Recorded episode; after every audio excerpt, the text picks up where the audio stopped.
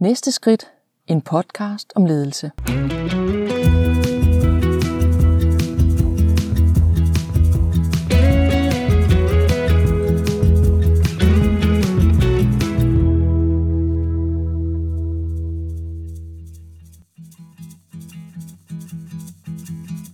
Velkommen til en vandrende podcast om ledelse. Mit navn er Christine Karlsøj, og jeg er din podcast hvert ene. Det er mig, der stiller de coachende spørgsmål til en leder, mens vi vandrer. I podcasten Næste Skridt, der bliver du som lytter inviteret med ind i lederens hemmelige rum, den coachende samtale. Vi tager i hver episode et ledelsesdilemma op, hvor jeg coacher en modig leder i forhold til en ledelsesudfordring. Jeg har skabt en filosofi og en metode til udvikling og forandring. Den filosofi bruger jeg i podcasten til at se mennesker som unikke individer. Det sidste spørgsmål i podcasten er altid, hvad er dit næste skridt? Velkommen til.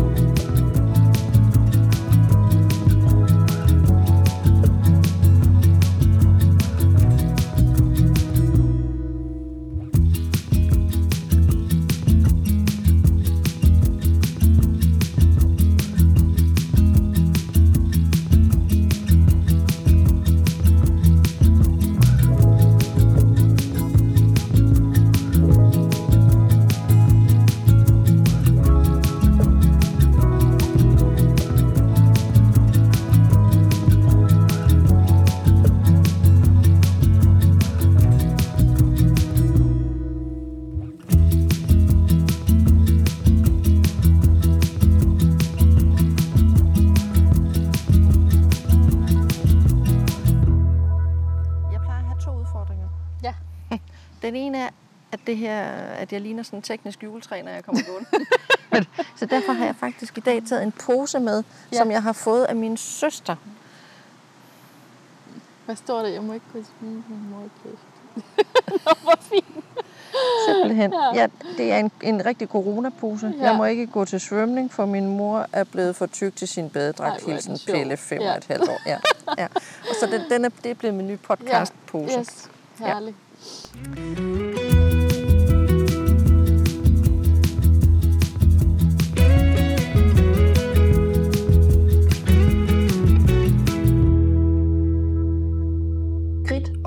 Skorup er dagens samtalepartner i podcasten Næste Skridt. Grit og jeg har flere ting til fælles. En af dem er Langeland. Det er Grits barndomsø, og det er min ø som selvstændig iværksætter og vandrecoach. Samtalen i dag handler om teknologi og mennesker, og hvordan teknologien kan hjælpe os i vores arbejdsdag. Samtalen kredser omkring menneskelige aftryk i lederskab og arbejdsliv. Du får i samtalen et indblik i, hvordan man kan leve som soloselvstændig og digital nomade, både på Vesterbro, i vandkanten og i resten af verden. Du får også nogle konkrete, praktiske eksempler på, hvordan du kan bruge sansebaseret vandring. Du får til allersidst også et bud på, hvor psykologisk tryghed kan anvendes i dit arbejdsliv. Og sidst, men ikke mindst, så får du vores take på fremtidens organisationsdesign med Lalu som inspirator. Rigtig god fornøjelse.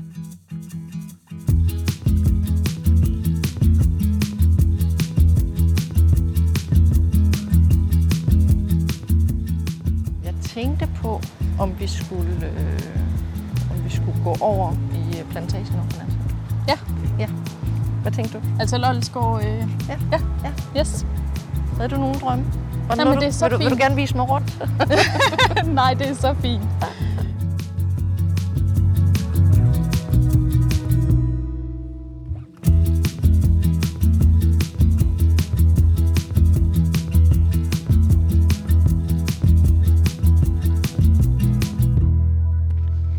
Jeg kender Loldskov. Jeg har lige været ude og, og hente kirsebær, og jeg havde faktisk min første karriere startede med at være æbleplukker og blive forfremmet til pærerne efter gymnasiet. Og, så jeg øh, startede, da jeg ikke kunne få job efter gymnasiet nogen andre steder og ville tjene nogle penge, så jeg kom ud og rejse, så, øh, så blev jeg æbleplukker klokken 5 om morgenen med med ældre damer og nogle andre gymnasiekammerater. Det var faktisk rigtig hyggeligt.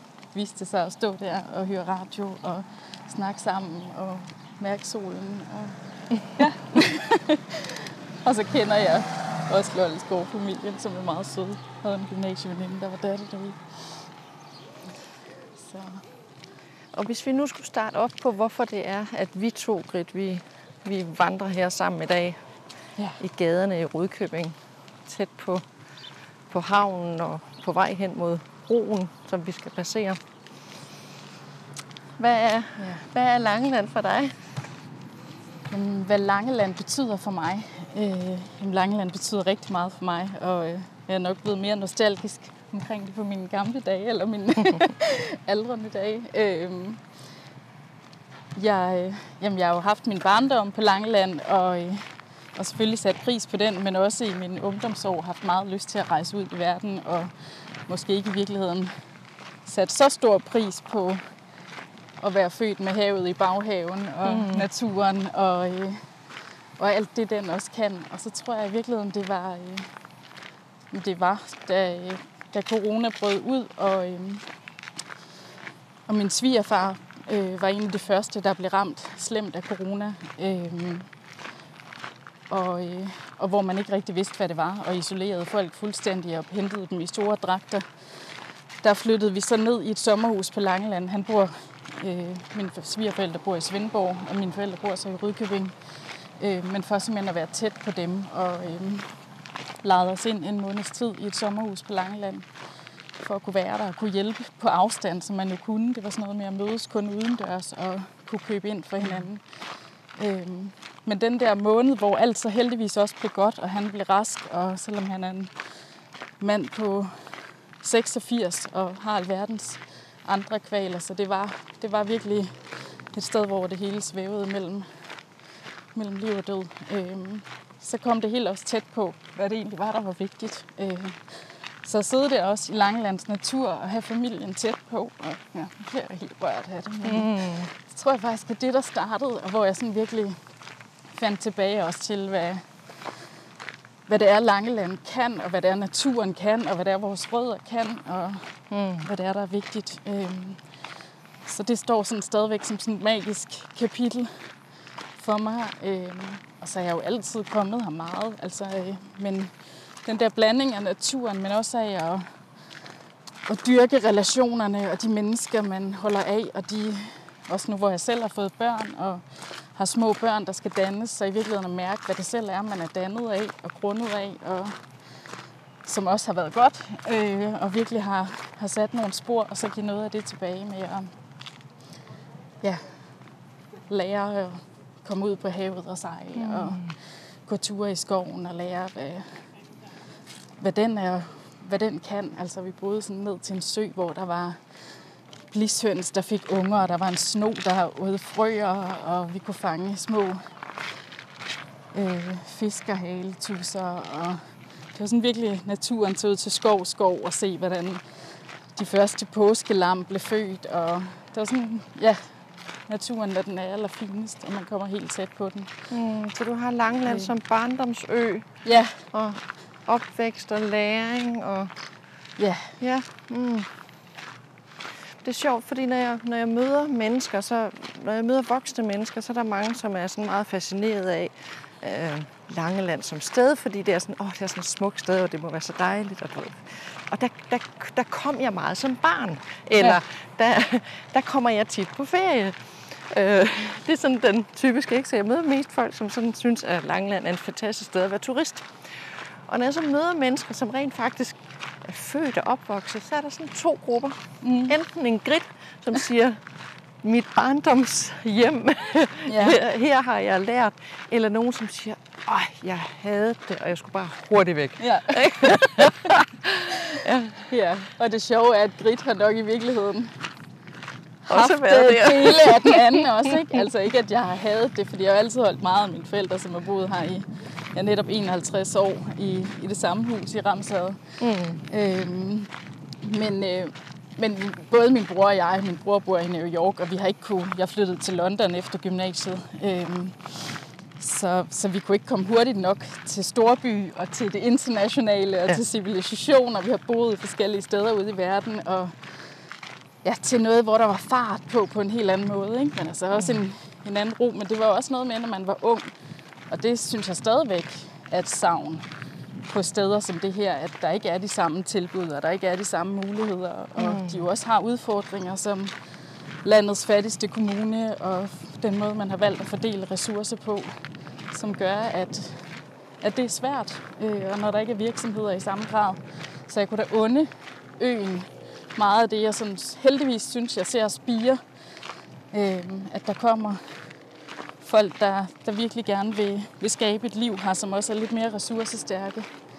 Øhm, så ja, den, den, øh, jeg kan i hvert fald se det potentiale, og jeg kan godt forstå, hvorfor man bosætter sig. Jeg er ikke der endnu, hvor jeg kunne gøre det selv, men jeg kan, jeg kan virkelig se også med den måde, man kan arbejde meget mere hybrid og fjernarbejde, hvorfor det sagtens kan lade sig gøre, og hvorfor Langeland man virkelig kan få rigtig meget værdi for ikke særlig meget også. Ikke? Mm. Altså, øh, ja. Ja. Jeg har en helt anden vinkel ind, fordi jeg, jo, jeg er jo ikke, jeg har ikke været barn på Langeland. Nej. Jeg har højst været teenager et par år. Øhm, og kom hertil som ung, flyttede herfra igen, kom hertil igen, flyttede herfra igen og kom tilbage igen nu. Ikke? Ja. Så derfor der har jeg sådan en helt anden syn på Langeland, og har måske startet med at have turistens øjne på sikkert et smukt sted. Mm, men er nok landet i sådan et, har faktisk rart at være. Altså, mm. det, der, der, det er sådan en lomme øh, i Danmark, som jeg synes er, er fed, eller som kan nogle andre ting. Ikke? Øh, og en af de helt store fordele ved Langeland, det er lige nøjagtigt her, hvor vi går nu, ja. hvor der jo er en bro Ja. over til virkeligheden. Ja. der, er simpelthen, det er simpelthen, der er simpelthen en bro over, så man kan komme ud og væk. Øh, og man kan køre til Rom herfra. Ja. Ja. Øhm, så, så man er ikke begrænset af noget. Det kan jeg rigtig godt lide. Ja. At være helt ude i verdens ende, og samtidig kan jeg sætte mig ind i min bil, og så kan jeg, Ja. kan jeg køre alle steder hen, hvis Ja. jeg ikke vil være her mere. Ja. ja. Øhm, ja. Ja, det kan jeg virkelig godt følge. Mm. Øh, altså, jeg synes også, der er en frihed forbundet med, at der er en bro. Jeg kan også blive... Nu sejlede vi til Drejø her forleden, og altså, jeg kan godt blive fascineret af det der, men når jeg så tænker på infrastrukturen om, hvad det kræver, at man først skal finde ud af, hvornår man kan tage færger og sådan noget, øh, der synes jeg netop den der kombination med, at man er ude i noget, der virkelig er natur og er omgivet af hav. Altså, der er jo heller ingen steder på Langeland, hvor der er særlig langt til vandet. Det synes mm. jeg jo også er helt fantastisk. Altså, mm. ikke bare natur, men hav er sådan virkelig for mig det, Mm. det ypperste øh, i forhold til at finde ro. Og... Men så samtidig det der med at vide, at ja, at så er der ikke længere væk, hvis man vil, vil ind til noget, noget andet. Mm. Øh, Mm. noget mere kultur eller andet. Så det var sådan lige sådan en hurtig landing i forhold til, hvorfor går vi her på det her, Ja. øh, den her knasende grussti sti her, ved, tæt ved, ved havet på Langeland, og om lidt runder vi Langelandsbroen. Mm. Hvad fik du øje på? Det var bare fordi, man lige kunne høre havet. Ja, og man kan dufte helt vildt. Ja. Ja. Der dufter af tang og krabber og våde sten. Jeg tror også, den der nostalgi, det er også, når vi går her langs med, altså på det grønne område hed det, da jeg var barn, jeg ved ikke, hvad det hedder mere, men som ligger lige neden for broen. Så er det også et sted, jeg har løbet med min hund, og det er et sted, jeg har løbet øh, med drager, og det er et sted, vi har sat kajakker i vandet og været ude og bade. Og, mm. Så der er jo sådan en masse minder, øh, som kommer til en, tror jeg også, når man er steder. Altså, jeg tror, jeg har haft meget travlt med at udforske nyt, og der er der også en eller anden ro i en gang imellem at komme tilbage og mærke, ja, hvad man også står på, og hvad det også kan. Tror du, det har betydning for den måde, vi arbejder på som vidensarbejdere og som voksne? Øh, altså, hvad det er for noget, vi, vi står på?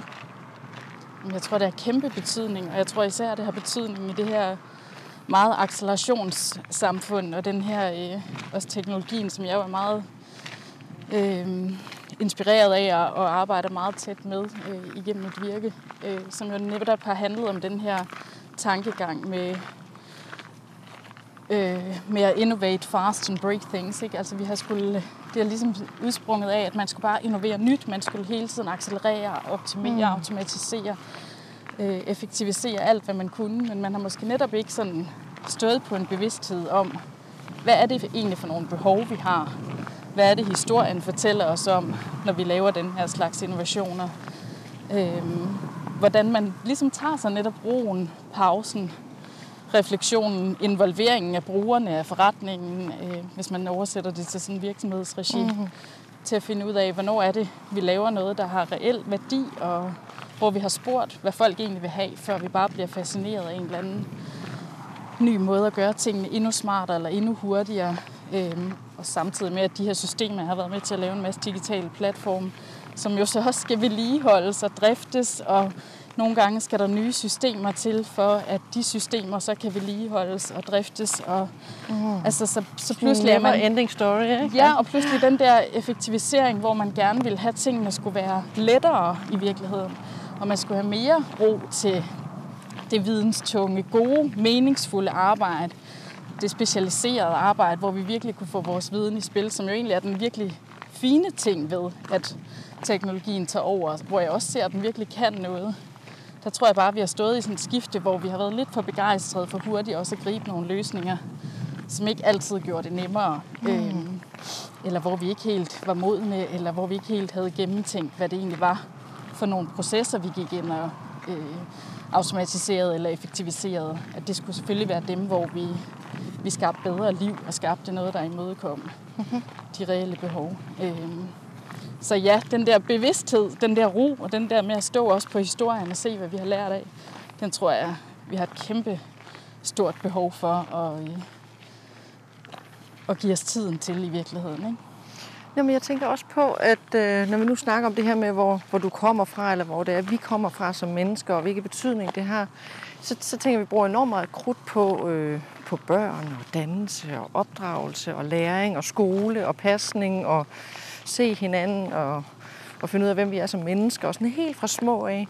Øh, og det må for fanden da have en eller anden betydning, kan man sige, i forhold til de, de voksne, vi bliver, og, og, og de, mm, øh, hvad kan man sige, de opgaver, vi kaster os ud i, øh, og, og, og det materiale, der kommer ud af det i den sidste ende.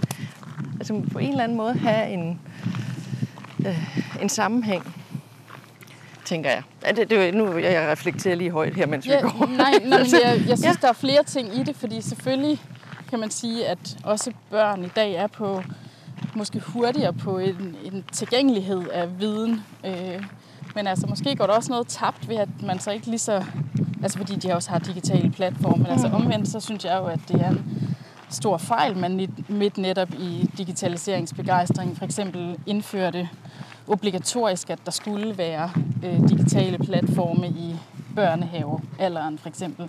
Altså jeg tror, at vores børn bliver rigeligt eksponeret for, for digitale platformer. Det kan da godt være, at det var fint nok at indføre dem, også i børnehavealder, hvis vi så var os bevidste om, hvordan vi skulle bruge dem, hvordan de også skulle være et værktøj, hvor man sad socialt og så. Men hvis det bare var noget med, at man så fik den her øh, iPassning, som man, eller i, også i forældre, øh, blandt os forældre, så er det jo fuldstændig så bliver de jo ikke mere vidende eller mere øh, bedre dannet end os andre. Så lærer man jo mere af at komme ud og...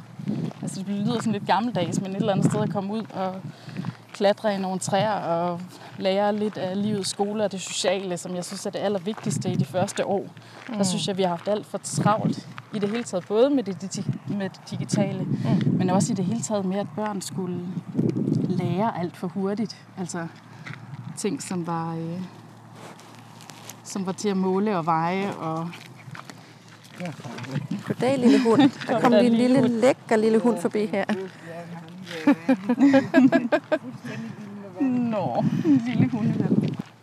Ej, jeg, jeg tror, min pointe var det her med livets skole i, i virkeligheden. Altså, at, at det er den, vi lærer allermest af. Og jo, måske propper vi mere tid i vores børn i dag, på den måde, at det også mere er på børnelivets præmisser, end det jeg for eksempel er vokset op med som i 80'erne og som var i 70'erne, hvor det måske mere var børn, der skulle indgå i voksenlivets præmisser. Øh, mm. Der synes jeg, vi står et bedre sted på nogle måder i dag, men måske også et sted, hvor det så også for meget er blevet det andet. Altså et eller andet, en eller anden balance mellem de to ville nok i virkeligheden være det mest ideelle, fordi forældre i dag måske også slider sig selv for hårdt op ved at investere i så meget, eller også ender de netop med at give digitale platforme for at aflaste, og det tror jeg heller ikke, der kommer særlig meget mm. godt ud af i for stort omfang. Øhm, jeg ved ikke, om det helt var svar Nej, på det. ja, jo, ja, det er også...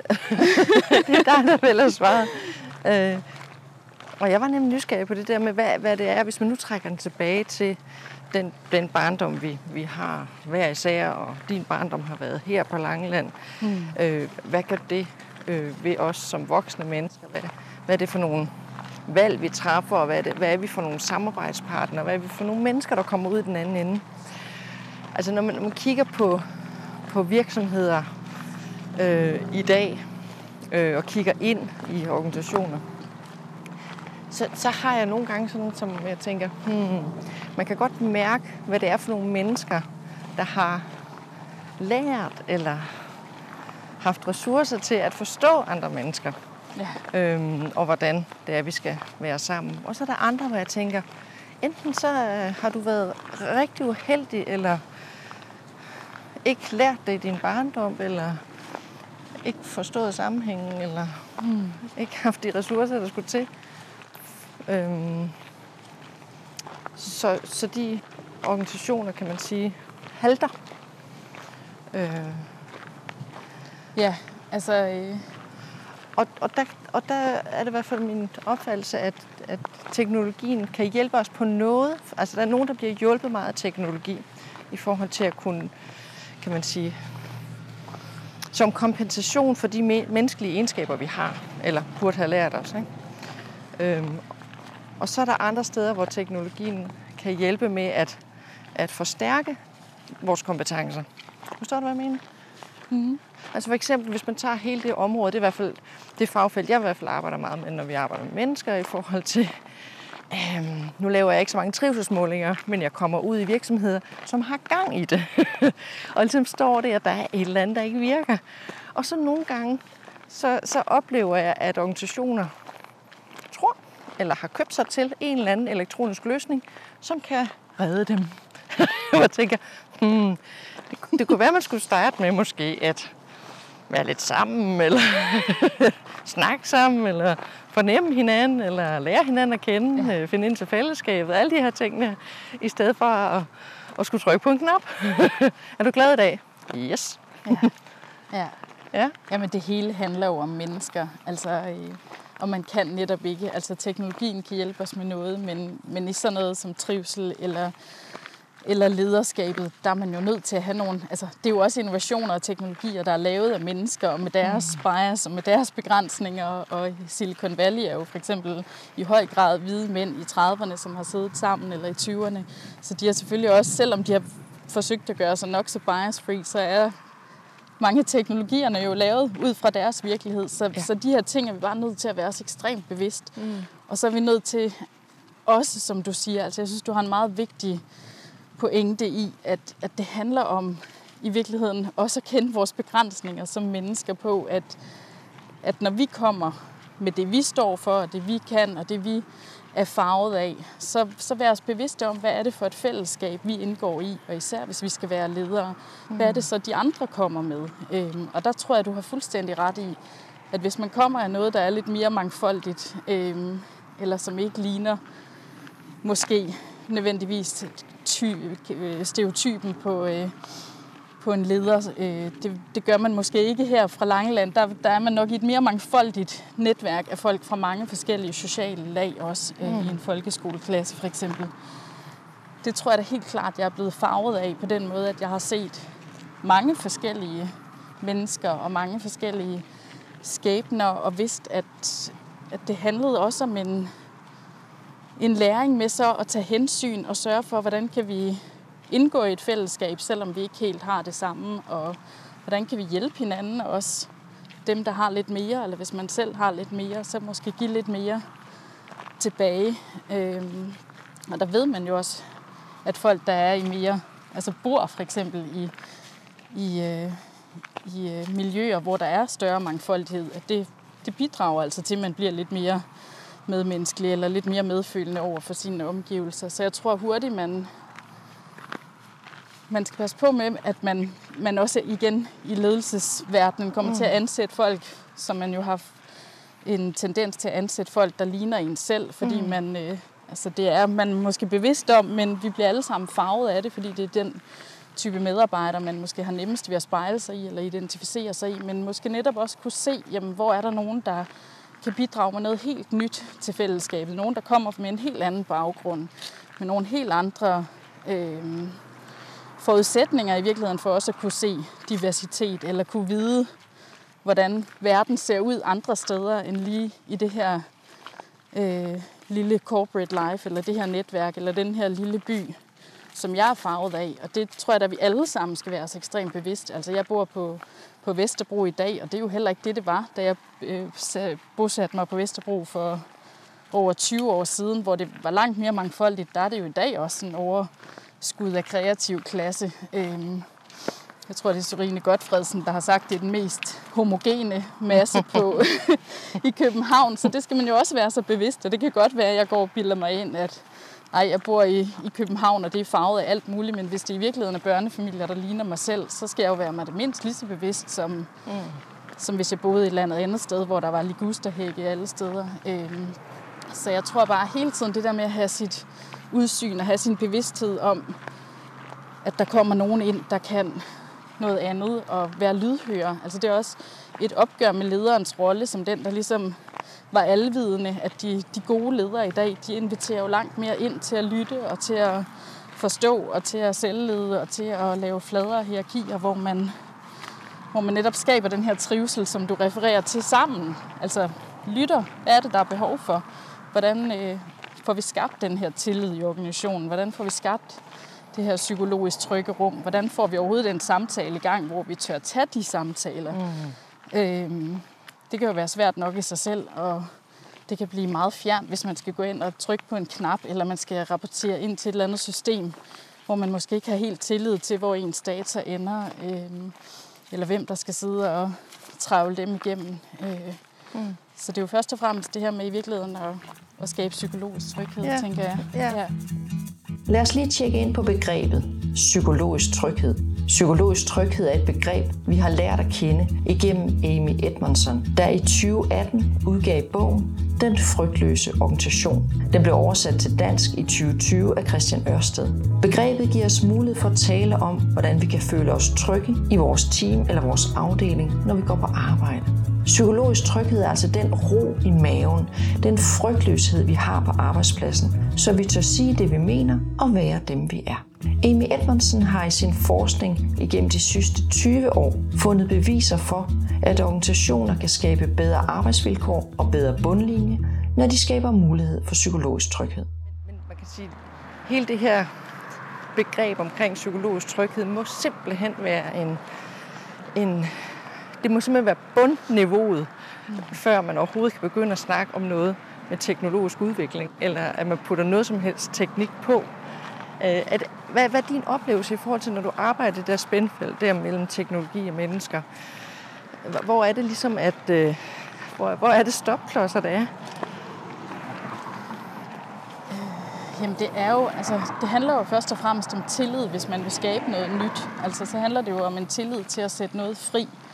Øh, fordi ellers så kan vores hjerner jo slet ikke tænke kreativt eller mm. tænke nyt. Så det er jo også, tilliden er jo, går jo hånd i hånd med, med rummet af psykologisk tryghed. Altså det man så kan, hvis man vil lave nogle innovationer eller tænke noget ny teknologi ind, øh, eller andre innovationer, som ikke nødvendigvis er teknologiske, men bare skabe rum for noget, noget nyt, øh, så er det jo i høj grad at give, give fri, og også igen give den her tid øh, til nogle pauser, og også give nogle rum til, at man har nogle andre mål indimellem, som måske handler lige så meget om impact på nogle andre øh, steder end ren profit. Øh, det tror jeg også er en vigtig lomme, at det kan godt være, at man så har et mål om profit lidt længere henne, men hvis det hele tiden er hovedmålet i allerførste omgang, så tror jeg også, man skaber nogle benspænd, hvor vi simpelthen ikke altid får truffet det rigtige valg.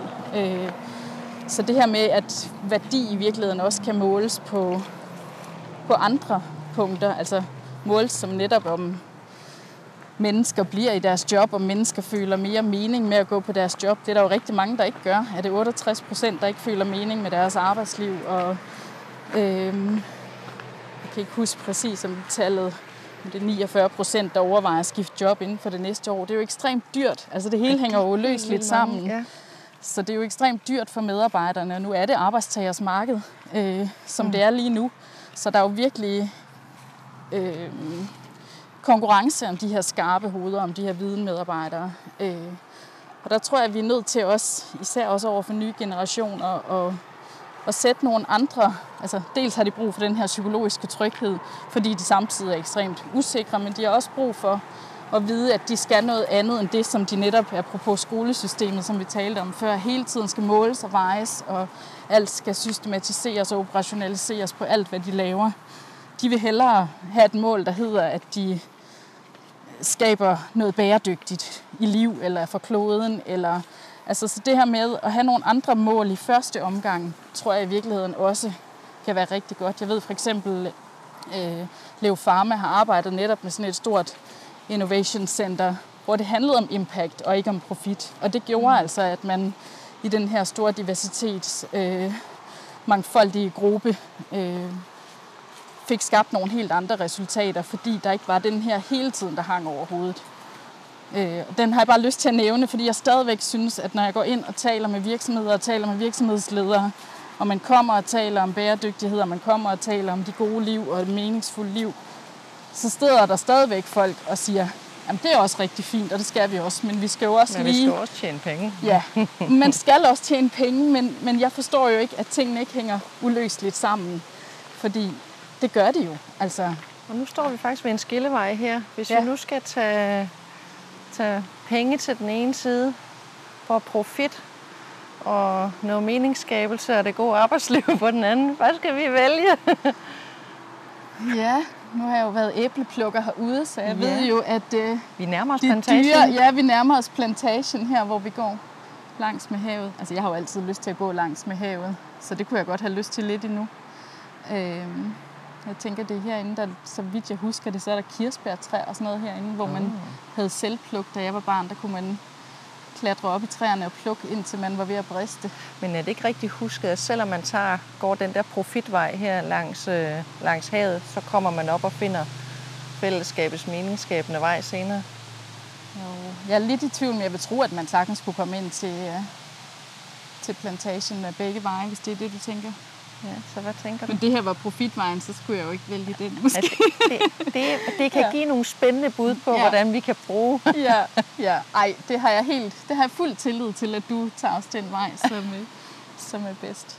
Jeg tror, at profit og øh, altså værdi hænger uløseligt sammen mm. i forhold til profit og, øh, og impact, men jeg tror bare, at, at vi har glemt at tale om, om det andet. Vi har glemt at tale om andet end profit, og glemt at tale om andet end økonomisk kapital. Mm. Og det er derfor, jeg virkelig slår et slag for også den sociale kapital i form af tillid, øh, altså hvor man har arbejdspladser, hvor der er, der er trygt og godt at være, og den relationelle kapital i nogle fællesskaber, hvor man får folk til at, at vil arbejde, øh, at det skal have langt mere værdi.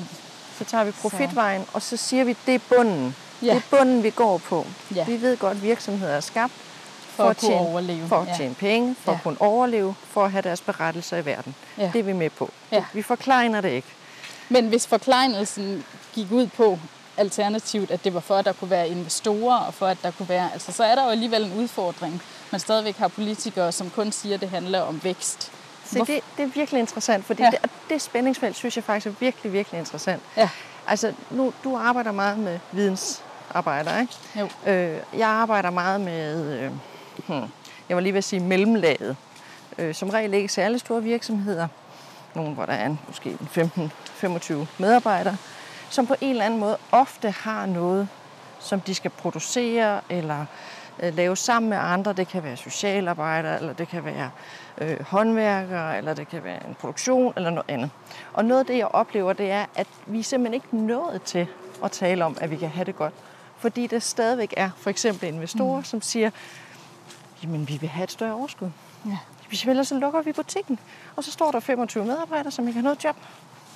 Altså det, det er der, vi er Ja. tit, så man når slet ikke at tænke eller snakke om, at man vil den grønne omstilling, eller man vil Nej. skabe et tillidsfuldt rum, eller sådan noget. Og det er det, jeg mener, så længe den samtale er legitim og uafhængig. Jeg snakker ikke politik, om det er den ene eller den anden farve. Jeg snakker Nej. faktisk om, at alle blåstempler, at det er vækst, der Ja. stadigvæk Yes. er hovedformålet med alting i en verden, i vores del af verden, hvor vi har mere end rigeligt. Altså, Vi, vi behøver ikke at vækste nej, mere. jamen det er jo det, jeg mener. Altså, øhm, eller i hvert fald, hvor skal vi vækste, og, og til hvem skal, skal den vækst gå? Eller hvordan kan vi få skabt nogle mere cirkulære systemer, som er mere Ja. ja. bæredygtige hele vejen rundt? Ikke? Altså, mm. øhm, og jeg forstår jo godt, når du siger, at man sidder med de her virksomheder, og de slet ikke rigtig er der. Jeg har også selv siddet øh, blandt andet med, øh, med entreprenørselskaber, som siger, ej, men så, har de jo, så sidder man og læser op på dem, og de, det, det er jo fantastisk at se, hvordan deres bæredygtige strategi er for nybyggeri, som skal kunne holde hele livet, og som jo øvrigt er det allerbedste at lade være med at bygge nyt, fordi man bare burde lave noget, der var så bæredygtigt, det altid kunne holde. Ja. øhm, men når det så kommer til stykket, så er den verden jo for eksempel også fuld af, af så meget kapital, som skal afsættes til, til store entreprenørselskaber og investorer, som gør, at de kan aldrig komme ud og indfri i virkeligheden andet end nogle fyrtårnsprojekter. Ja. Øhm, og det synes jeg jo er synd og skam, at man i virkeligheden holder lidt fast i, og også blåstempler fra øverste sted, at det hele tiden er det, der er vigtigst. Fordi så, så bliver det legitimt at blive ved med at sige, jamen, det er jo investorerne, der skal have noget mere. Ja, det er dem, der bestemmer. Så der hvor, altså, så må det være, så er der nogle rebeller og nogle aktivister rundt omkring, også blandt investorer og blandt måske folk, der også er kommet så langt i livet, at de har lyst til at sætte nogle, mm. nogle aftryk i noget andet, som gør det. Og der er jo også rigtig mange gode virksomheder, som virkelig gerne vil det. Især måske blandt hvide virksomheder er der jo virkelig mange, der gerne vil en hel masse og gøre rigtig meget for kloden og for at skabe bæredygtige og meningsfulde liv. Men, øh, men jeg kan godt forstå, når du taler om det her segment, og man har nogle folk, der holder biksen i live, at det også er ekstremt svært at tænke de her store tanker, hvis man i forvejen synes, man har været ramt af corona og knap haft penge til at, at betale sin, øh, sine medarbejdere løn. Ikke? Mm. Men jeg synes, der er noget grådighed, som vi er nødt til at kigge alvorligt på, med hvor pengene så går hen, og, og hvornår nok er nok. Ja, fordi er det private investorer, som skal score kassen på, at nogen arbejder hårdt og længe og har et dårligt arbejdsliv? Eller øh, er vi sammen om at s- skabe nogle, nogle gode produkter, nogle sunde, næringsrige produkter, som vi kan sælge til nogen, og med den profit skabe mere liv et andet sted, eller mm. ja, få en landsdel til at køre bedre, eller hvad det nu skal være. Ikke? Altså, altså, hvad er det for en slags profit? Det synes jeg virkelig, virkelig er interessant. Ja, eller kunne man sætte krav til? Altså hvis, kunne man sætte krav til, hvis investorer så fik et vist overskud på noget, jamen så, så var deres fornemmeste pligt at investere i noget nyt, som kunne skabe nye virksomheder. Mm. Øhm, altså, jeg ved ikke, man kan jo ikke gå ind og regulere. Der, er jo også, øh, der skal selvfølgelig være frihed, men jeg synes bare nogle gange virker det paradoxalt, at, øh, at fordelingen er så ulige. Fordi hvorfor? Altså det, og det, så er vi tilbage til det her med at opdrage vores børn øh, og sørge for et, et, et sundt og nærende barndomsliv Ja. og god dannelse i forhold til ikke at være den, der siger, når jeg bliver voksen, så vil jeg rave til mig. Ja, men det er nok også Så skal fordi... jeg score kassen. Ja. Men det er nok simpelthen også fordi, jeg, som du siger, jeg undrer mig over, altså, ikke fordi, nu skal det heller ikke lyde sådan fuldstændig frelst på nogen måde, men, men jeg undrer mig virkelig over, hvordan man kan bruge så meget mere. Altså, hvorfor man har brug for det, hvorfor man... Altså, man ved også, at det, der igen giver folk mest mening, det er faktisk at gøre noget godt for andre. Så den der sådan at gå ud og købe sig endnu en bil, eller et eller andet, det, det har man jo målt især hos mænd, at endorfinniveauet det stiger voldsomt, lige når de har købt den der nye bil. Men så falder det meget hurtigt igen. Så det er jo ikke en bæredygtig form for lykke eller form for mening mm. i forhold til at, at investere den i, i noget andet, som, øh, Det kan være, som man kan, måske skaber mange liv. man kan Nu har jeg vist måske, fået øh, en brumbærhæk på kjolen her. og så reflekterer jeg over, at den der bil, den kan måske være med til at score hende der, så man kan lave flere liv med. Ja, men hvad er hun så drevet af? Ja, det er selvfølgelig rigtigt. Ja. ja. Jeg tager en tår Jeg ved ikke, og jeg har, ja, altså jeg har jo været 10 år i, i advokatbranchen, hvor, hvor der er mange penge, og, øh, og det er da også fint at, at få en god løn, som måske også har gjort, at jeg har nemmere ved at, at være selvstændig i dag, fordi jeg står på noget opsparing. Øh, men jeg har da ikke set nogen mennesker der være mere lykkelige over at tjene mange penge. Altså mm. det er da ikke det, der har drevet værket i forhold til filmbranchen, som jeg kom fra, havde været syv år for inden. Øhm, altså, de var da lige så lykkelige, selvom de måske gennemsnitligt tjente betydeligt mindre. Ja. Øh, så, så jeg tror bare ikke rigtigt på den der præmis. Øh, men det er jo igen også tilbage til, hvad man er skolet af og dannet af. Altså mine rødder her på Langeland er jo med historie og arkeologi og, og noget helt andet, øh, som jeg måske i virkeligheden også har søgt mere og mere tilbage til, efter at have været ude i det private erhvervsliv i, i 20 år. Så kan jeg bare se, jamen, hvad er det, humanismen fortæller os om, øh, om, hvad det gode liv er. Altså, hvad er det, filosoferne allerede har sagt for 2500 år siden om, hvad der gav os mening øh, i forhold mm. til at være sammen og skabe det højere og gode for hinanden, dyrke vores relationer, være nærværende, mærke efter. Hvad er det for nogle typiske opgaver, du har, når du er ude og hjælpe virksomheder? Jamen, øh, det er typisk ledere, jeg sidder med øh, i boards eller, øh, eller virksomhedsledere, som, øh, som har brug for noget forretningsudvikling eller noget strategi. Og det er i virkeligheden starter det tit med et eller andet forretningsbehov, men handler så i, i, i mange tilfælde lige så meget om, hvor de er som mennesker. Øh, og det synes jeg også er helt centralt, altså at det ender med lige så meget at være den samtale, og være de ting, vi, vi, øh, vi laver forløb og, og laver samarbejde omkring, øh, i forhold til, hvad deres behov er øh, for os at, at hjælpe andre som ledere af nogle andre. Øh, så det kan godt være, at det starter med sådan noget mere strategisk, hvor skal vi hen, eller en virksomhed, der skal internationaliseres, eller en virksomhed, der skal lave en kommunikationsstrategi, der er ny. Øh, en virksomhed, der vil digitalisere forretningen. Øh, så hjælper jeg med sådan nogle ting, rådgiver med sådan nogle ting, øh, hjælper måske også med at drive nogle af tingene, men primært som rådgivning. Øh, men så handler det også tit om, hvor de er, og hvorfor det er vigtigt for dem at gå ud med noget andet. Så i virkeligheden også sådan noget thought leadership. Hvad er det for nogle aftryk, de også gerne selv vil sætte? Hvordan kan de opbygge deres egen ekspertrolle? Øh, kommunikation er jo min baggrund, så, så selvom jeg har bevæget mig lidt væk fra den, så er det jo tit også ind i kommunikationen, jeg kommer til at, at hjælpe i forhold til, hvordan de så kan gå ud også øh, med deres digitale aftryk, med deres øh, bevidsthed om deres digitale data, med en større synlighed også i forhold til PR eller, eller i forhold til lobbyarbejde.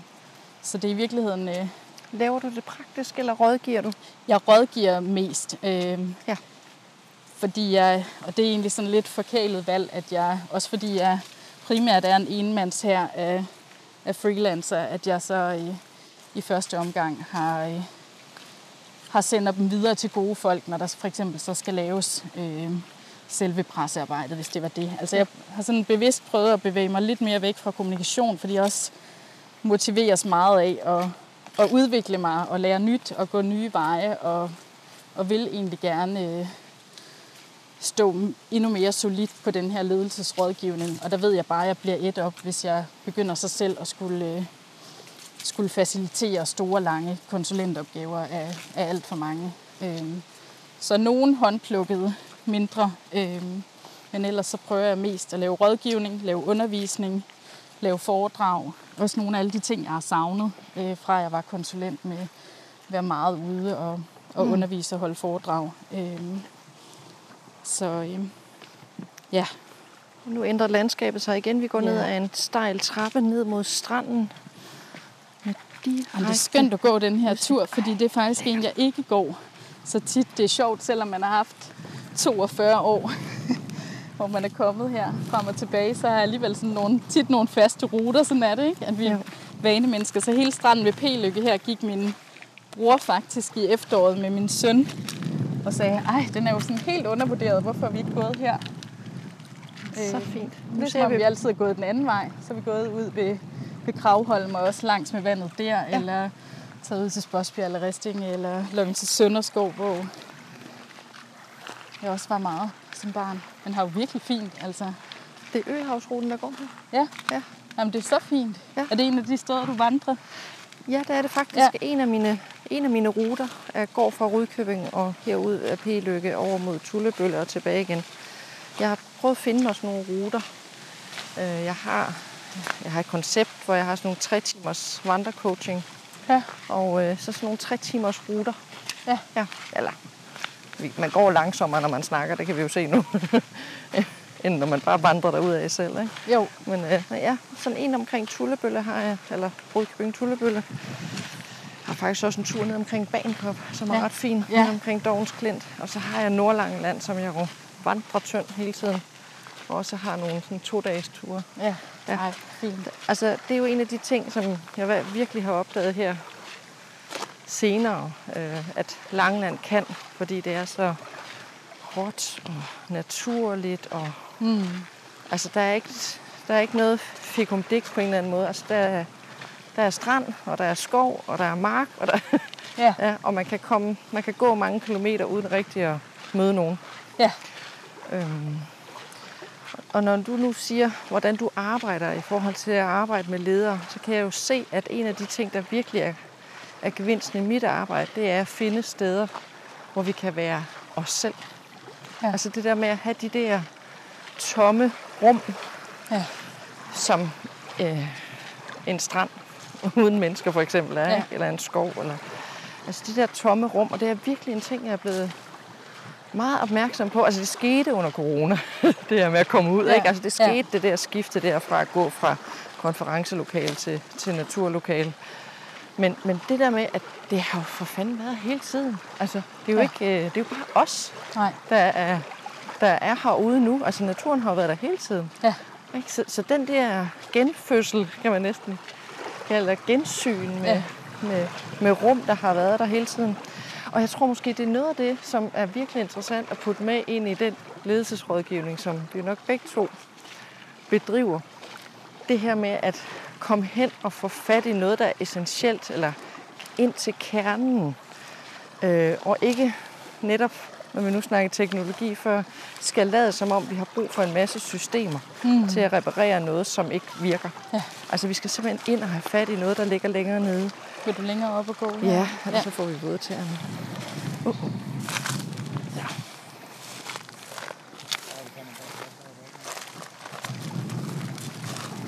Men jeg er meget, meget enig. Man kan ikke proppe et eller andet fancy program, eller en smart konsulentkasket, eller et eller andet ned over noget, som ikke virker. Nej, Altså det, det løser ikke noget. nej.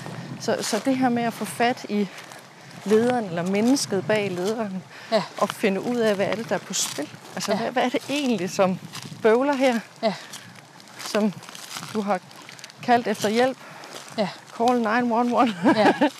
Jeg har jo også ledere, der, der bevidst beder om walk and talk, og jeg har også tænkt, mm. så må man jo facilitere det som et, Ja. et decideret koncept, fordi måske er det mere også bare pausen for Ja.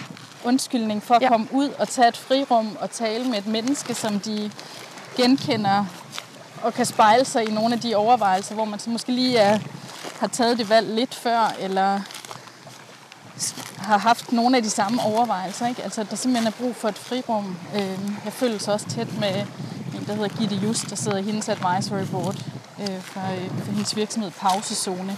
Mm. Og hun faciliterer nemlig også de her pauseforløb, hvor det simpelthen er altså pausens potentialer til, at vi trækker os tilbage som ledere lidt på samme måde, som du gør med, med vandringen. Ikke? Altså simpelthen giver den plads, og der tror jeg, Jeg der tror, kan vi skal gå naturen ind i landet, kan Ja.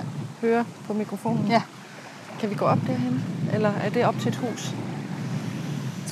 man kan, uanset hvad. Øh, Hvis du Nej, men jeg synes bare, det, er- det er paradoxalt, at vi netop har haft så travlt, at vi har skabt et samfund, har skabt et lederskab, fordi jeg ønsker jo bestemt heller ikke, når jeg siger alle de her ting, mm. som ledere, som måske mangler i lederskabet, så synes jeg jo i dag, at vi har ledere, som bærer så tunge å på deres skuldre, fordi man bare har lagt mere og mere på Ja, dem. det er rigtigt. Øhm, så det ser jeg jo heller ikke af løsningen. Altså, så skal det mere fordeles ud, og der skal mere stoppes op i virkeligheden, som du siger. Ikke? Øhm, så, så tingene ikke skal gå så hurtigt. Du nævnte Men det er jo paradoxalt, at vi har haft så travlt, at vi nu er nødt til at integrere pauser og mindfulness og ro og komme ud i naturen for at finde tilbage Ja. til, hvad der er vigtigt. Fordi vi har glemt at mærke os selv. Mm. Det, er jo, det er jo forfærdeligt et eller andet sted. Du nævnte faktisk lidt tidligere det her med, at, øh, at organisations... Altså vores, vores syn på organisationer måske også begynder at ændre sig. Øh, At, at det her med den organisation, som var hierarkisk og den altvidende, altvidende leder tidligere, at det ser vi måske ikke så meget mere i fremtiden. Men mere de her lidt mere flade organisation, mere selvledelse, øhm, men som jo kræver noget helt andet Ja. af lederen. Ikke? Jo. Øhm, og der bliver også nogle ting, tænker jeg, som, øh, som de her stakkels ledere, som må få fyldt på og fyldt på og fyldt på, mm. skal have hævet lidt af skuldrene igen Ja. og skal lede på en anden måde. Ja. Ja. Men det er jo igen også i forhold til teknologien, hele managementrollen versus lederskabsrollen.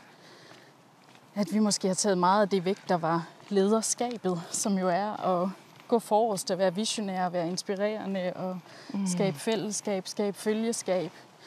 Sikre den her lim af, af mennesker, der arbejder godt sammen i det her rum. Øhm, det er jo, det er jo sådan noget, hvor, hvordan måler vi og vejer vi det, og hvordan øh, giver vi plads til det, når der samtidig er en hel masse systemer, vi skal, skal proppe folk i kasser mm. i, og, øh, og har så travlt med hele tiden at uddanne og udvikle og udskifte, øh, give folk nyt. Altså jeg tror også, i, i de bedste intentioner har man jo udviklet også rigtig meget. Altså udviklet mennesker til at kunne endnu mere, og jeg er selv sådan et meget udviklingsdrevet menneske, der elsker at nyuddanne mig og få ny læring. Men hvis man aldrig har tid til at omsætte den læring, så kan den jo nærmest også være endnu et stressparameter ja. for folk, der har rigtig travlt. Ja.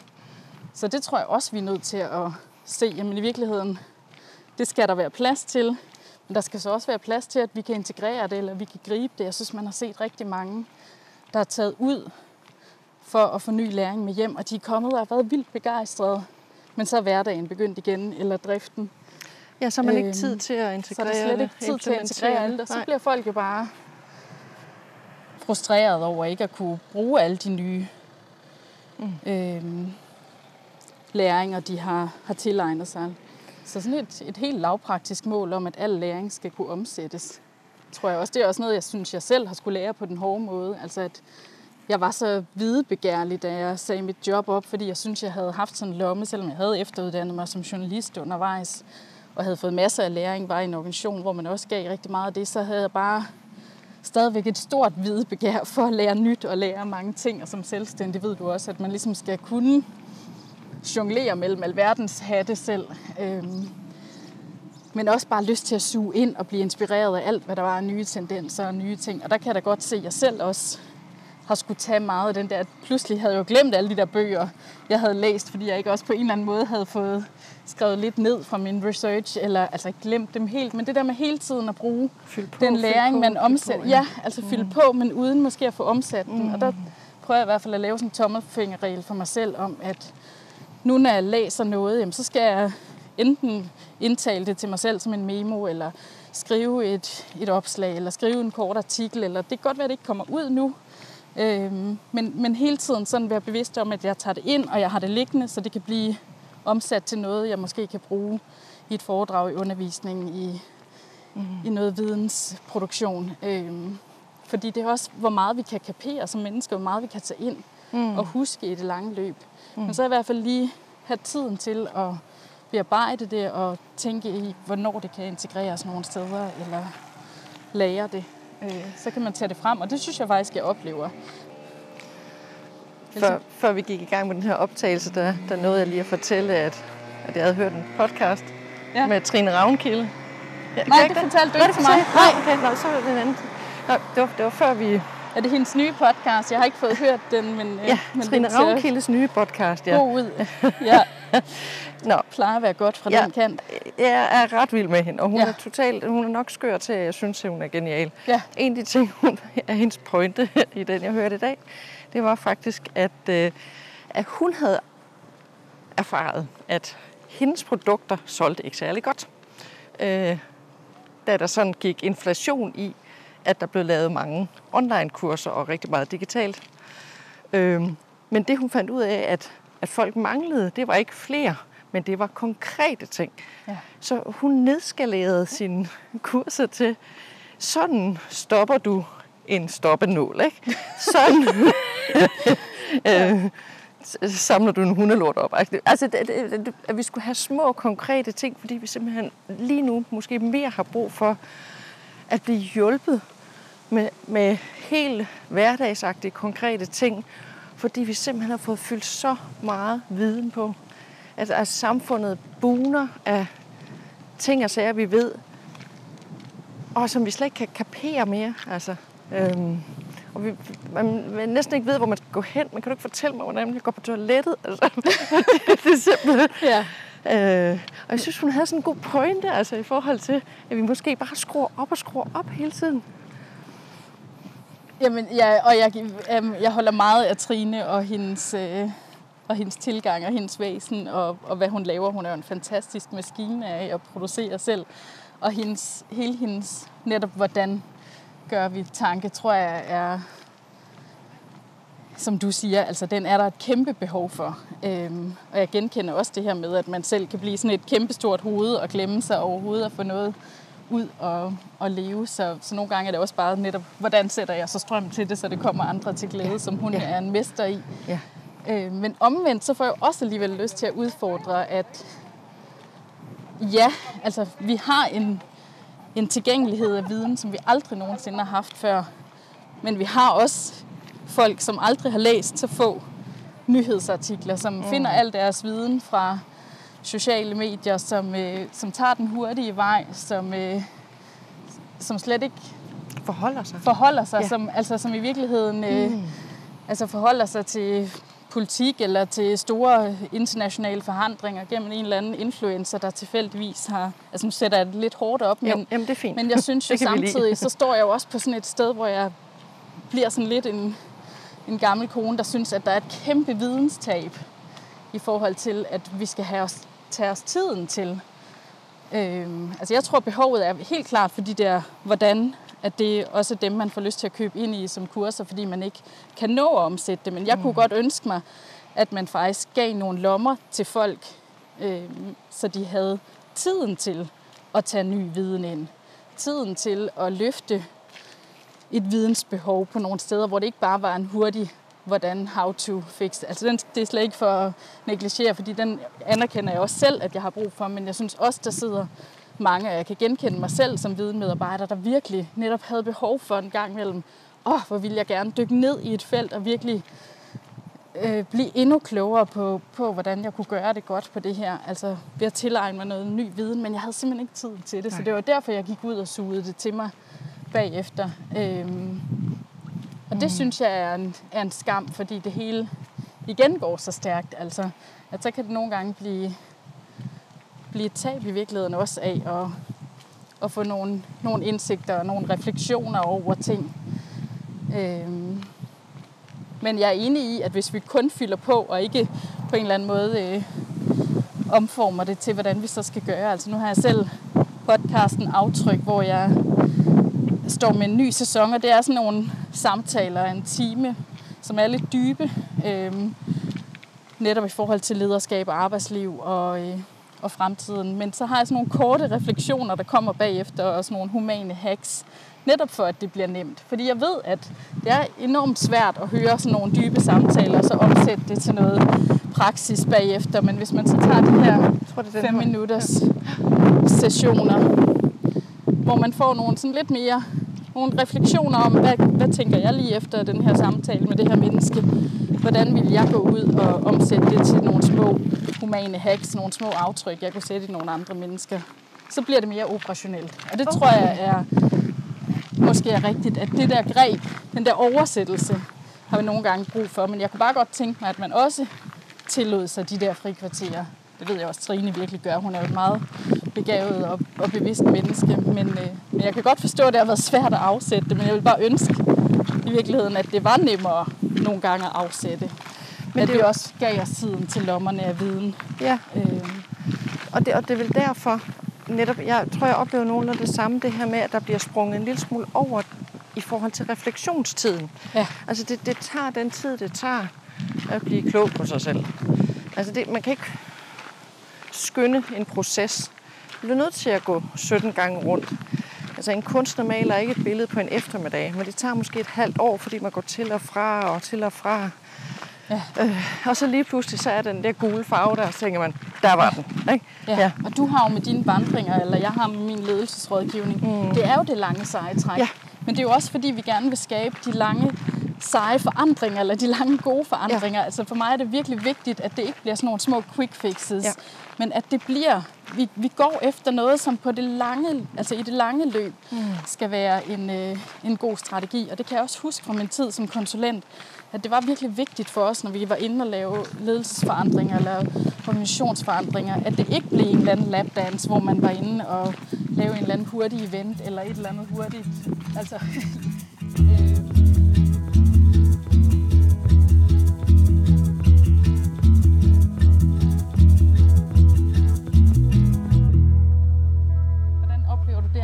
virkelig har brug for øh, ja, at indtage? Altså, er det, er det mere pausen, eller er det i virkeligheden læringen om sig selv og om andre? Eller sådan, der er det, Først og fremmest så Primært. oplever jeg faktisk, at det er svært at overgive sig til at gøre det. ja, Det er simpelthen så svært at overgive sig. ja, Men når de først har overgivet sig, så svømmer de helt hen. ja, Altså, og det, det er virkelig interessant, øh, det her med at, at ture springe ud i. Altså, når, når jeg siger overgive sig, så er det for eksempel, ej, jeg har ikke tid til selvudvikling. Jeg har ikke tid til at kigge på mit eget lederskab. nej, Øh, nej, det har jeg vist ikke lige brug for, eller jeg gider ikke mere uddannelse. Nej. Eller, altså alle de der undskyldninger for ligesom ikke at stoppe op, Ja. men blive ved med at køre i. Og Det der også sådan en, en idé om, at om det går jo godt nok. Fordi man, man simpelthen ikke har nået at stoppe op og grænske over, om det går godt nok. Altså, Mm. Eller er man alligevel et sted, hvor man er moden til, at der måske er noget, der kunne være bedre, når man kommer til dig. Det er man vel alligevel Ja, i et eller andet omfang. ja, man har besluttet sig for, at man skal enten give det en chance, Ja, eller det er det sidste valg, jeg har, eller ja. Nå, det kan vel ikke skade, eller nej, du ved, eller Nå, det er nok ikke så slemt, men lad os lige se, eller et eller andet. Altså det, det er på det niveau, og det er ja. det, der er så interessant. ja, Øh, og det er først efter mange timers refleksion, at en at lederen overgiver sig. ja, Og siger, fuck, jeg har det faktisk rigtig elendigt. Ja. Eller, ja, jeg kan ikke finde ud af det her. Eller, øh, jeg kan jo se, at jeg håndterer mine medarbejdere hæsligt. Ja. Jeg må gøre noget andet. Ja. Altså, alle de der erkendelser, de kommer først, når man simpelthen får ro til at ja, se sig selv i spejlet. ja. Jamen, Jeg taler jo meget om det, der hedder, det jeg kalder det, Hej. tale meget om det, jeg kalder det bevidste lederskab. Mm. Altså, hvor man simpelthen skal stå mere bevidst i sig selv. Men der er jo fuldstændig som med dig enig i, at først kommer der en, overhovedet et mod til at tage den mm. beslutning om, at der er behov for en forandring, som tit netop udspringer af, at man ved ikke, hvad der skal til, og man tror nok heller ikke helt på det, men man ved, at noget skal til, fordi man trives simpelthen ikke i det, der er. Ja. eller ens omgivelser trives ikke. Mm.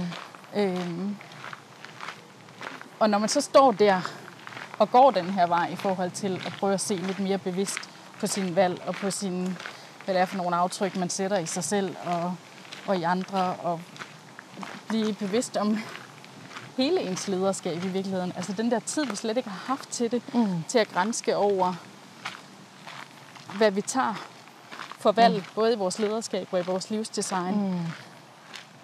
Det er jo så forløsende, hvad man så kan se, folk kan komme ud med på den anden side, i forhold til først at tage sig en pause, men den er så angstprovokerende. Ja. Men så bagefter komme ud og tage nogle, sætte nogle aftryk netop med den her en større bevidsthed om ens kerne og om, hvad der er vigtigt for en, og drevet af ens værdier, drevet af, man har Ja. lyttet til sig selv, Ja. man har lyttet til andre, man mærker efter, hvem man giver Ja. sin tid, sit nærvær. Øh, Det er jo Og- en og- ekstremt livsbekræftende på den anden side, Ja. hvis man når dertil. Ikke? Men er det en- kræver også sindssygt meget mod at gøre det. Ja. Ja. Jeg havde en, øh, en mandlig leder med på en to-dages vandring her i foråret. Og han var sådan lidt, ja, jeg har, jeg har godt tænkt på, at jeg skulle afsted. Nå, lad os se, for jeg skal jo have optimeret noget, du ved. Ja, ja, det er fint. Og vi gik, og vi gik, og vi gik i to dage, og han gik mere og mere ind i sig selv. Sådan fuldstændig sådan, hvad hedder sådan noget, sådan, ikke spøgelsesagtigt, men sådan, du ved, jeg simpelthen fandt længere og længere ind til sig selv i løbet af de to dage. I senden. Ja, Ja. ja, og da vi så kom hjem, og jeg spurgte ham, hvad tager du med hjem fra den her tur? Så kiggede han bare på mig. Jeg skal simpelthen være noget mere sammen med mine børnebørn. Ja. Ja. Altså, det var det første, han sagde, og det kom bare ud, du ved. Ja. Ja. Altså, han, jeg har slet ikke tænkt på at arbejde i to dage, siger han. Så jeg har bare tænkt ja. på mig, at jeg savner mine børnebørn. Ja. Og det blev sådan, Ja. Ja. og han sagde, ej, altså det er jo livsfarligt det her med Ja. ja. at, at, Ja. at, finde, at finde så meget ro, eller finde så meget ind. Jeg skal jo ikke have, jeg skal jo ikke have det arbejde der. Nej. I hvert fald ikke på den måde, Nej. fordi det duer jo ikke. Altså, Nej. altså, og det er jo sådan nogle ting, der kan være Og farlige. tit er man jo sin egen værste øh, altså fjende, ja. eller hvad man skal ja. Ja. sige, fordi det er jo ikke altid, organisationerne har sat de her krav om, at man skal lægge så meget af sin tid, mm. og man skal lægge så meget af sit liv i virkeligheden der, øhm, og hvor man samtidig som leder farver alle sine omgivelser med, at de så også skal gøre det samme. Altså det er jo ikke, det er jo ikke fordi, vi bliver bedre medarbejdere af at, at arbejde solen sort altid. Altså, mm. I forhold til de resultater, vi skaber. Altså hvis vi ikke tager de her pauser, så er der langt flere, der brænder ud. Der er også øh, måske nogle langt dårligere resultater, vi skaber undervejs, fordi det går for hurtigt. Vi laver for mange fejl, vi sjusker for meget, fordi vi, vi ikke kan som mennesker. Altså det er jo også den her acceleration, hvor man bare har optimeret på os som ressourcer, men det er vi jo ikke. Vi er jo ikke uopslidelige ressourcer, så vi kan jo ikke følge med. Mm. Øhm, og det er paradoxalt, at det er jo tit netop enten livskriser, eller at man mærker at blive forladt af relationer, eller man mærker øhm, et, et savn, der pludselig kommer, som han oplever der. Også, mm. Jeg husker det, som om det var den kvindelige leder af spillestedet, hvilket der havde været på sådan en, en ledelsesudviklingskursus med, med sådan topledere. Øhm, og de havde alle sammen identificeret, hvad der var vigtigt for dem, og skulle ligesom sætte det ind i et system. Og hun var så den eneste, der ikke havde skrevet sine børn eller sine relationer på. Og da hun så det, så var det simpelthen som sådan et kæmpe vink med en vognstang om, hvad er det, der er vigtigt for mig? Hvad er det, der er vigtigt i mit liv? Og den historie, synes jeg bare, jeg har hørt mange gange før. Øhm, jeg sagde også selv op efter en barsel, fordi jeg var vidne om, at, at det, ville, det ville ikke kunne gå hånd i hånd øh, i samme grad og, og investere så meget i mit arbejdsliv, som jeg havde gjort før. Så jeg var nødt til at i hvert fald kunne investere på en mere fleksibel måde, som mm. arbejdslivet så heldigvis også er blevet langt mere i dag, end, end da jeg sagde op. Men, øh, men det er jo også, fordi vi ikke har indrettet vores, altså vi har indrettet liv til arbejdsliv, men ikke altid til det levede liv, hvor der skal være plads til livspauser, til livsfaser, hvor vi får børn og gerne vil investere noget mere, end vi måske vil, når hele vores identitet som nyuddannede ligger i, i også det sociale og i arbejde, altså hvor vi måske gerne vil ind og investere en masse. Altså, vi har ligesom bare sat alle ned i den samme formel og sagt, nu ligger I det samme. Men der er jo mange forskellige opskrifter på det. Og ham her, som har fået børnebørn, jamen han skulle måske have en anden form for livsindretning, hvor han ja. kunne være sammen med sine børnebørn. Der er også mange ledere, der giver igen med børnebørnene, fordi de så måske ikke har nået at give det samme til deres egne børn. Og så kan de få lov til endelig at få en forløsning Ja. i anden omgang. Så, ja. så det her med at ind, indrette langt mere fleksibelt og langt mere individuelt, det tror jeg også er noget, vi kommer til at se meget mere i fremtidens organisationsdesign.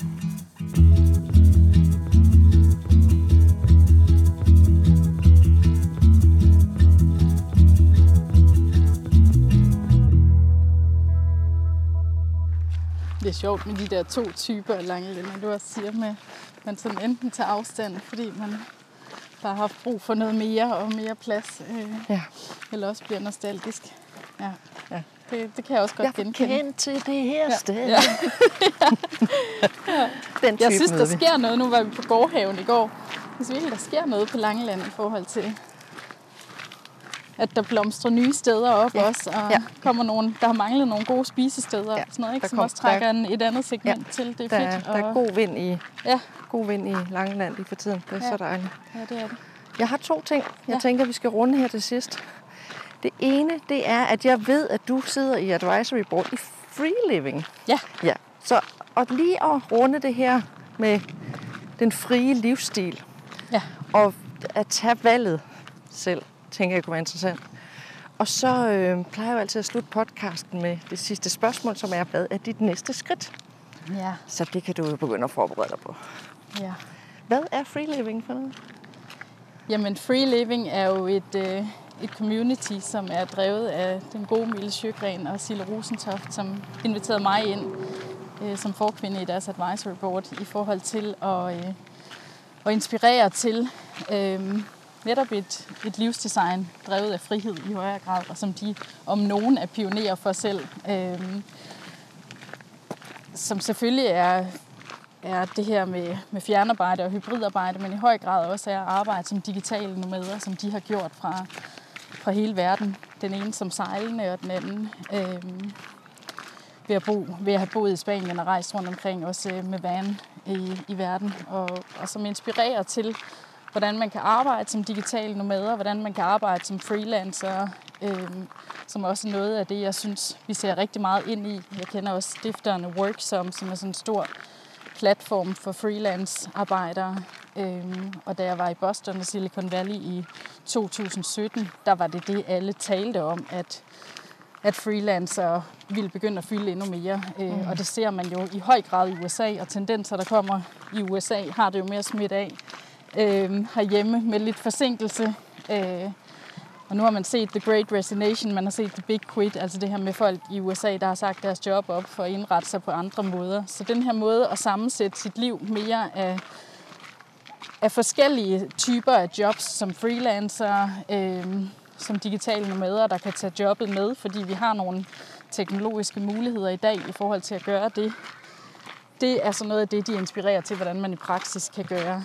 Øhm, og det er jeg meget inspireret af selv, fordi jeg altid har været meget frihedssøgende selv. Øhm, rejst rigtig meget med, med min øh, kæreste, øhm, som har rejst endnu mere end mig. Han har boet og arbejdet som NGO, blandt andet i Sydafrika flere omgange. Og vi har rejst enormt meget sammen. Også taget vores børn med ud at rejse rigtig mange steder. Taget et rejseoverlov i, øh, i 17, hvor vi rejste fra vores jobs dengang, hvor vi rejste rundt i 14 forskellige lande med rygsæk med vores dreng på tre.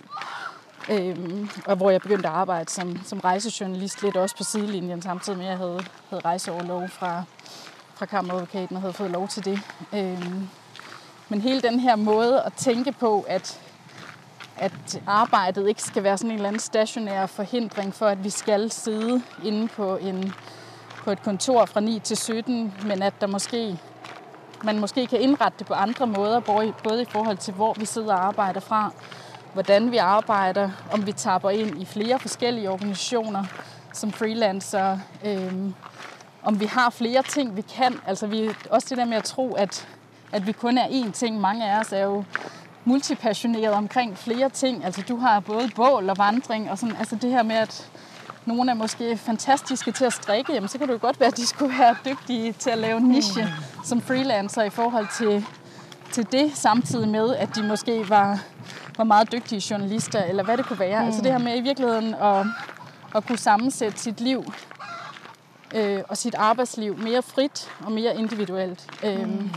det ser jeg som, en, som noget, vi vil se langt mere af, men som vi også står over for nogle udfordringer i forhold til den danske arbejds, øh, den danske model og, og i forhold til den måde, vi, vi jo har indrettet vores samfund på, som ikke tilstrækkeligt understøtter de her måder at tænke i alternative arbejdsliv. Så der er samtidig nogle ting i samfundsindretningen, som mest er på den traditionelle måde.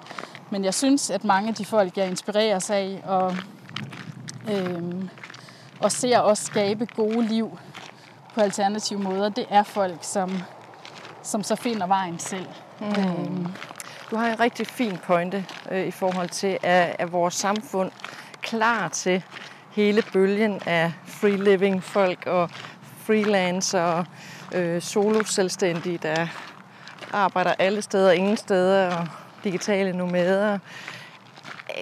Er vi, er vi klar til det? For bølgen fra USA, den har været undervejs øh, en del år efterhånden, og, og, og det lige pludselig så vælter, vælter vores samfund her. Det gør det jo. Altså, Ja. Men det virker ikke helt som om, at vi er klar til at, at, at modtage og, og kunne kapere, at vores arbejdsliv skal indrettes på en anden måde. vi, vi er nået så langt, fornemmer jeg, at vi begynder at snakke om fire dages arbejdsuge og sådan nogle ting. Ja. Men, men er vi egentlig klar til, at chefen kan sidde på Honolulu og, og tre digitale medarbejdere i Spanien på en strand og, og have tillid til, at arbejdet nok skal blive udført, og, og alt er godt? Øh. Ja. Altså, jeg tror, det kommer meget an på, hvad det er for nogle organisationer, og jeg tror meget gerne, de eksisterende typer og traditionelle typer af organisationer vil fastholde os i et paradigme om, at det kan vi ikke, fordi det er vildt besværligt at lave ting om og ændre på det, vi har, og skulle øh, indrette arbejdsliv, som er langt mere individuelle, og hvor man, det er jo også en form for kontrol versus den her tillid, som jeg taler om, ikke?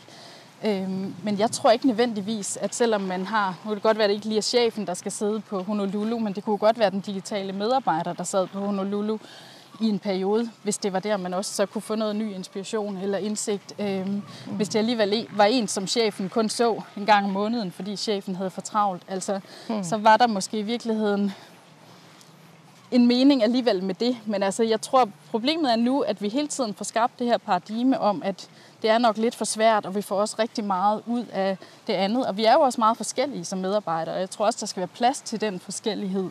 At der er nogen, der sætter enormt stor pris på det trygge i at kunne komme ind i en organisation, hvor man ved, hvordan rammerne er, hvor man har sin egen kontorplads måske, eller sin faste bord.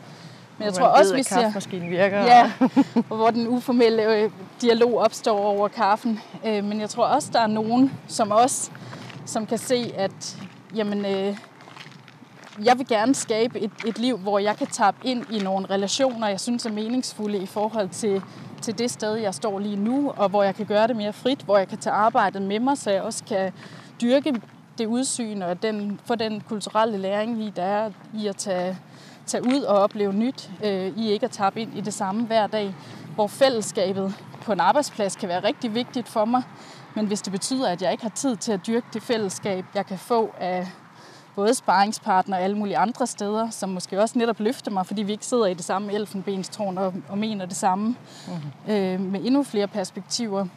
Eller det betyder i værste fald, at jeg ikke får set de relationer, som virkelig har værdi for mig, fordi jeg ligger hele mit, mit liv og min identitet kun i at tabe ind på, på det her 9-17, som måske ovenikøbet bliver langt mere end 9-17. Mm. Øhm, så synes jeg, der er meget, der går tabt. Og så synes jeg, at det virkelig kan noget, men jeg tror, vi er nødt til også at efterspørge det. Og det tror jeg, at nye generationer vil gøre i højere grad. Og det tror jeg, vi vil se langt mere, når det bliver arbejdstagers marked, som det er nu. At, at så organisationerne er jo nødt til, og det ser vi også, der er fantastiske organisationer, der netop giver den her frihed, giver de her tilbud, for det er de simpelthen nødt til. Øhm, så jeg tror, der er et opbrud i gang. Øh, men jeg tror også, det er kommet, fordi de kan se, at det er det, de er nødt til. Ja, øhm, ja. For det- at kunne skabe profitten Ja, igen. Ikke? jo. Så det vil sige, det betyder også, at vi som, som coaches og ledelsesrådgiver, vi skal også øh, tappe ind i det her nye paradigme og rådgive på en ny måde. Altså vi bliver simpelthen nødt til at se, hvad det er for en fremtid, der kommer stormende. Øh, og netop at kunne give det videre, altså alt det gode, der ligger i det. Fordi selvfølgelig er der også en bagside, der er noget besværlighed og omstilling og alle de her ting. Men der er sagt sus med også mange ting, som, øh, som kan hjælpe os med netop at få nogle bedre arbejdsliv. Ja. Og kan få noget mere ro på bagsmækken. Hvad vi kan udleve vores drømme. Vi kan følge vores partner et sted hen, som vi måske ikke lige havde Ja. drømt om. Og, altså der, der er simpelthen så mange ting, som fordi vi er blevet så dygtige til at leve i en, i en teknologisk verden. Så det faktisk kan give os en, en frihed, vi måske ikke helt har set komme endnu. ikke? Ja, og så ser jeg det også som et, jamen helt enig, altså, men det er jo også, at der har jo hele tiden været skift. Hvis jeg bare ser på mine forældres generation, jamen, så var de måske 20, 30, 50 år i det samme job. Øh, så kom vores generation, som, øh, som måske sad 5-7 Syv. år, ikke? Altså, øh, den kreative klasse kom, så der sagde man, at man maks skulle sidde 3-5 år. Jeg kan huske, der var en headhunter, der engang sagde til mig, når du har siddet mere end 3,7 år et sted, så skal du videre, fordi så er der ikke en læringskurve, der begynder at stige. Wow. Øhm, det ved jeg ikke, om jeg helt tror på, men jeg tror på det der med, at hvis man, den der med at tro, at man til evig tid, hvis det man er i en organisation, nu udvikler de fleste organisationer så heldigvis rigtig meget, så man mm. kan få rigtig meget ud af at være i dem længe. Jeg har selv mm. været mellem 7 og 10 år de steder, jeg har været. Øhm, så, så det tror jeg bestemt godt, man kan få noget ud af, men jeg tror, der hele tiden er et behov for, at man at man lærer nyt. Og der ser man, hvis man ikke som organisation kan give ens medarbejdere det, jamen så skal man give dem frihed til, at de kan gå ud og tage halvdelen af deres arbejdsliv et andet sted som freelancer, eller Cisco, som jeg mødte i Silicon Valley, som gav mulighed for, at deres medarbejdere kunne shuffle rundt mellem forskellige stillinger. Så salgsmedarbejderen kunne måske komme over og prøve kræfter i kommunikation eller i markedsføring. Eller øh, altså i det hele taget det her med organisationsdesignet bliver, man ser også med fremtidens organisation, som jo er omdiskuteret med Lalu, men der kan man jo også prøve at eksperimentere med, at man giver lederskabet fra sig for en periode, eller ikke har det formelle lederskab, eller netop tager det til sig, eller får det, fordi der er følgeskab omkring en. Øhm, så det her med, at man kan prøve kræfter med meget mere, og det er det gode, jeg ser ved freelance virket, at man i virkeligheden kan sammensætte et, mm. et mere meningsfuldt liv, fordi man, mm. man sammensætter det, som, som det passer. Både organisationen, men også det enkelte menneske og den enkelte familie og, og relation, de er, har omkring sig. Og hvis vi lige skulle tilbage til det der med, at der faktisk er noget viden og noget litteratur og nogle henvisninger, som, så er Lalu for eksempel en af dem, som man kunne trække frem i forhold til, at der er faktisk noget, noget pissegod litteratur, som man godt kan dykke ned i forhold til at blive klogere på, at, at organisationer kan være anderledes i fremtiden. Jeg bryder lige ind her på falderæbet. Vi taler nemlig om Lalou. Den belgiske forfatter Frederik Lalou udgav i 2014 bogen Fremtidens Organisation. Bogen har været skældsættende for den nye måde at tænke organisation på. En organisation med flad struktur og brug af mere dialogbaserede arbejdsformer, for eksempel sociokrati.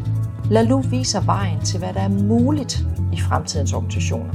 Jeg har ikke selv læst bogen helt færdig, men jeg har læst resumé, og jeg har hørt andre podcast om bogen. Og det er nok til at vide, at vi her har med en teoretiker at gøre, som allerede nu har løftet mange organisationer ind i den nye tidsalder. Og hvor vi ikke længere ser lederen som den almægtige Gud, der ejer svaret på alting, men giver os et fokus på bedre ledelse i stedet for meget ledelse. Det sidste spørgsmål. Ja. Grit. Vi er gået hele vejen ude ved havet, helt om til plantagen og tilbage igen og landet i Rudkøbing. Og vi står faktisk foran et værk, mm. som er lavet af Alfie Bonanno. Mm. Øh, og jeg korrekt mig, men hedder det ikke de fire verdenshjørner? Ja, det er forkert. Åh, oh, det kan godt være, så fejl. Det er i hvert fald et meget fint værk. Øhm, det, der er ved det, det er, at man sådan ligesom kan gå igennem det. Så ja. der er sådan noget før og noget efter. Og hvis du sådan skulle forestille dig, at du gik igennem det her værk, og så tænkte på, hvad dit, sådan, dit næste skridt er i dit, i dit liv og i dit virke øh, i Grits butik. Ja. Jamen, øh, hvis jeg går igennem Alfjords meget fine værk, jeg kender Alfjord og gået i klasse med hans datter, øh, så vil mit næste skridt være, at, øh, at jeg rigtig gerne vil ud nu og mærke savsmul igen. Mm. At jeg har taget mig tiden til, øh, til fordybelse, og også har undervist, og, øh, og, og været tæt på ledere i sådan mere en-til-en forløb og i boards og så videre, men at, at nu vil jeg gerne ud og holde nogle foredrag og stå foran nogle flere og mærke mm. nogle forandringer spire. Jeg tror også, det sådan stadigvæk er lidt på bagkanten af, af corona i foredragslivet i hvert fald. Mm. Så det her med at gå ud øh, med nogle af de her længere forløb, som jeg kommer ud med til efteråret, og, og med de foredrag, som jeg allerede har, øh, også for UNX-platformen, og mærke noget gnist i øjnene hos nogle ledere. Det, mærke nogle mennesker. Mærke nogle mennesker, øh, det vil jeg gerne endnu mere. Øh, så jeg, jeg holder meget af, af det hybride øh, digitale nomade arbejdsliv online, men, øh, men jeg synes også, vi har savnet endnu mere mennesker og fællesskaber. Og, ja, så, så ud og, og mærke noget gnist og nogen, der, der får lyst til at gribe nogle forandringer selv. Det vil jeg have lyst til, var mit næste Godt. skridt. Kom, lad os, lad os tage skridtet igennem. Du går Ja. forrest. Og vi mærker, at spændingen stiger. Ja.